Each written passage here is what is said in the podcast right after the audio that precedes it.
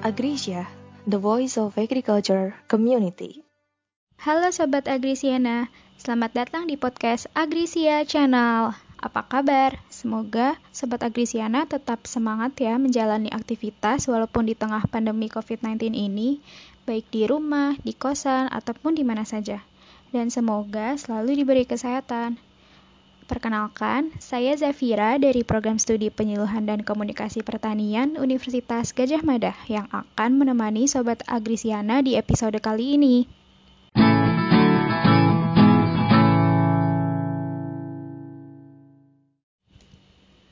Bagaimana kegiatan teman-teman di tengah pandemi ini? Mungkin sudah bosan ya dengan rangkaian kegiatan kuliah off campus, school from home, atau work from home. Kalau iya, Episode kali ini pas banget nih buat teman-teman yang sedang mencari kegiatan lain untuk mengisi waktu luangnya, yang tentunya kegiatannya bermanfaat dan sembari mematuhi peraturan social distancing atau physical distancing. Apa sih kegiatan itu? Kegiatan itu adalah urban farming. Mungkin teman-teman sudah cukup familiar ya dengan istilah urban farming. Tapi sebetulnya apa sih urban farming itu? Urban farming itu merupakan konsep memindahkan pertanian konvensional ke pertanian perkotaan yang pada umumnya memiliki lahan terbatas. Jadi sebenarnya urban farming itu lebih ke kegiatan bercocok tanam secara mandiri di wilayah dengan lahan terbatas, sehingga konsep ini bisa diterapkan di tempat tinggal masing-masing. Di tengah pandemi seperti ini, kita perlu menjaga daya tahan tubuh kita dengan cara mengonsumsi makanan yang sehat, seperti buah-buahan dan sayuran. Nah, di episode kali ini, lebih tepatnya akan membahas 5 jenis tanaman sayuran simple untuk memulai urban farming, yang tentunya bergizi dan membantu menjaga daya tahan tubuh. Penasaran? Stay tune di Agresia Channel ya!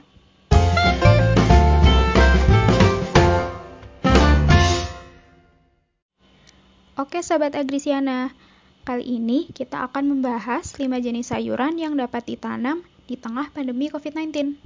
Jenis sayuran pertama adalah kangkung. Kangkung merupakan salah satu sayuran yang populer di Indonesia karena rasanya yang khas dan cocok diolah menjadi berbagai bentuk makanan, seperti tumis kangkung, cah kangkung, dan lain-lain. Ada apa dengan tanaman kangkung? Kangkung ini dikenal mengandung gizi yang dibutuhkan tubuh, seperti vitamin A, vitamin C, kalsium, dan zat besi. Karena itu, kangkung dinilai bisa meningkatkan daya tahan tubuh, mencegah terjadinya kerusakan organ hati, serta membantu peremajaan kulit sehingga bisa membuat kulit kita menjadi lebih bersinar. Selain itu, kandungan zat besi dalam kangkung bermanfaat untuk mencegah anemia atau kekurangan darah. Jenis tanaman selanjutnya adalah sawi. Sama seperti kangkung, sawi juga mengandung vitamin A, vitamin C, dan antioksidan yang melindungi tubuh dari radikal bebas. Radikal bebas itu berbahaya bagi sel dan jaringan tubuh. Selain itu, sawi dikenal bisa membantu menurunkan kolesterol dan mendukung kesehatan jantung. Sawi juga mengandung serat tinggi yang membantu melancarkan pencernaan. Kemudian ada juga bayam. Kalau ingat bayam, Pasti Sobat Agrisiana tahu kartun Popeye si pelaut kan? Popeye yang gemar makan bayam memiliki energi yang kuat sehingga mampu mengalahkan penjahat. nah, sebenarnya apa sih manfaat bayam itu? Bayam dikenal mengandung vitamin B1 dan B2, vitamin C, dan beta karoten. Beta karoten di sini sangat baik untuk penglihatan. Bayam juga bermanfaat dalam mengencangkan otot tubuh terutama otot jantung, sehingga dapat mencegah resiko penyakit hipertensi dan gagal jantung.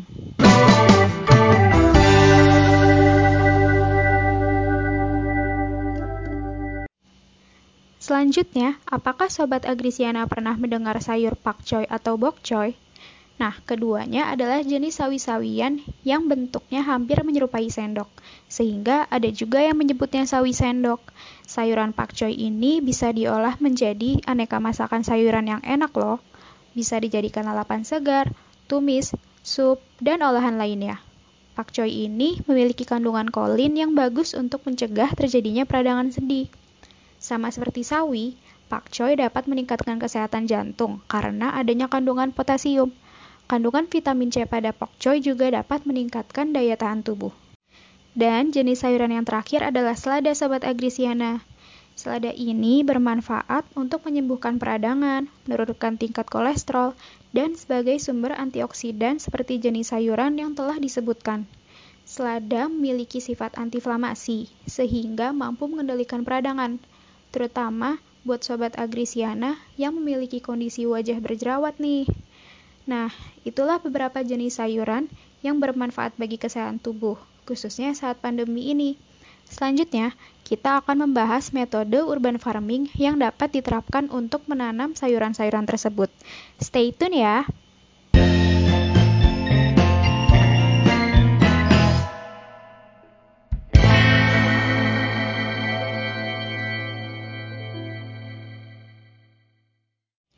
Nah, setelah mengetahui manfaat dari sayuran-sayuran tersebut, sekarang kita membahas metode urban farming seperti apa yang bisa diterapkan. Di antaranya adalah hidroponik dan vertikultur. Hidroponik merupakan salah satu metode menanam tumbuhan dengan pembudidayaan menggunakan air dan tanpa tanah. Hampir semua jenis sayur bisa dibudidayakan menggunakan metode ini. Metode hidroponik yang paling mudah adalah dengan menggunakan botol plastik bekas. Alat dan bahan yang diperlukan yaitu benih tanaman sayuran, rock wool, nampan persegi, gunting atau pisau, botol bekas, kain flanel, air, dan larutan nutrisi. Langkah awal yang harus dilakukan yaitu persemaian benih sayuran. Potong rock wool dengan bentuk persegi kurang lebih berukuran 3 x 3 cm. Hati-hati dalam menggunakan gunting atau pisau ya Sobat Agrisiana. Kemudian, Letakkan potongan tersebut ke dalam nampan persegi. Basahi rokul dengan air, tapi jangan sampai terlalu basah ya. Setelah itu, buat satu lubang kecil di bagian tengah rokul untuk memasukkan satu benih. Selanjutnya, tutup nampan dengan menggunakan plastik hitam dan simpan selama 2-3 hari. Setelah itu, benih akan tumbuh. Jangan lupa untuk menyirami rokul dengan menggunakan semprotan air kecil ya. Begitu muncul daun, segera pindahkan bibit ke tempat dengan cahaya yang cukup. Kalau sudah muncul daun sejati, bibit bisa dipindahkan ke media hidroponik berupa botol bekas. Nah, setelah bibit siap dipindahkan, siapkan larutan nutrisi dan botol plastik bekas yang telah dibagi menjadi dua bagian, yaitu atas dan bawah. Tuangkan larutan nutrisi ke potongan botol bagian bawah.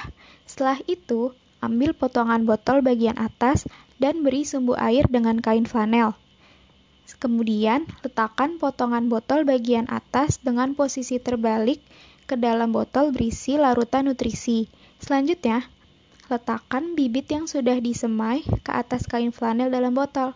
Oh iya, jangan lupa untuk mengganti dan mengisi persediaan larutan nutrisi ya.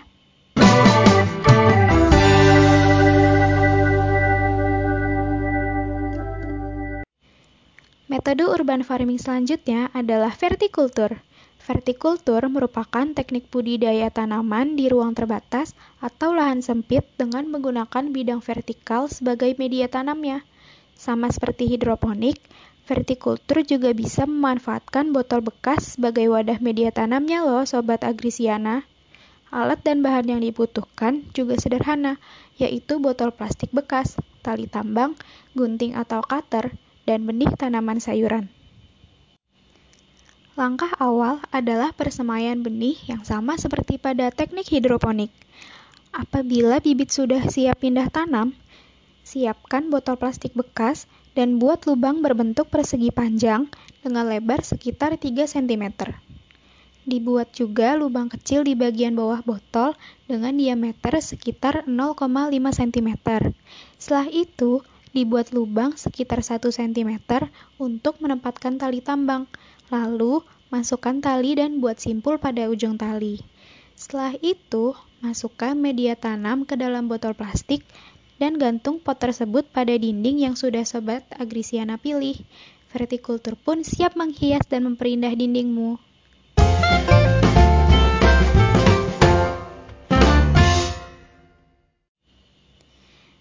Bagaimana Sobat Agrisiana?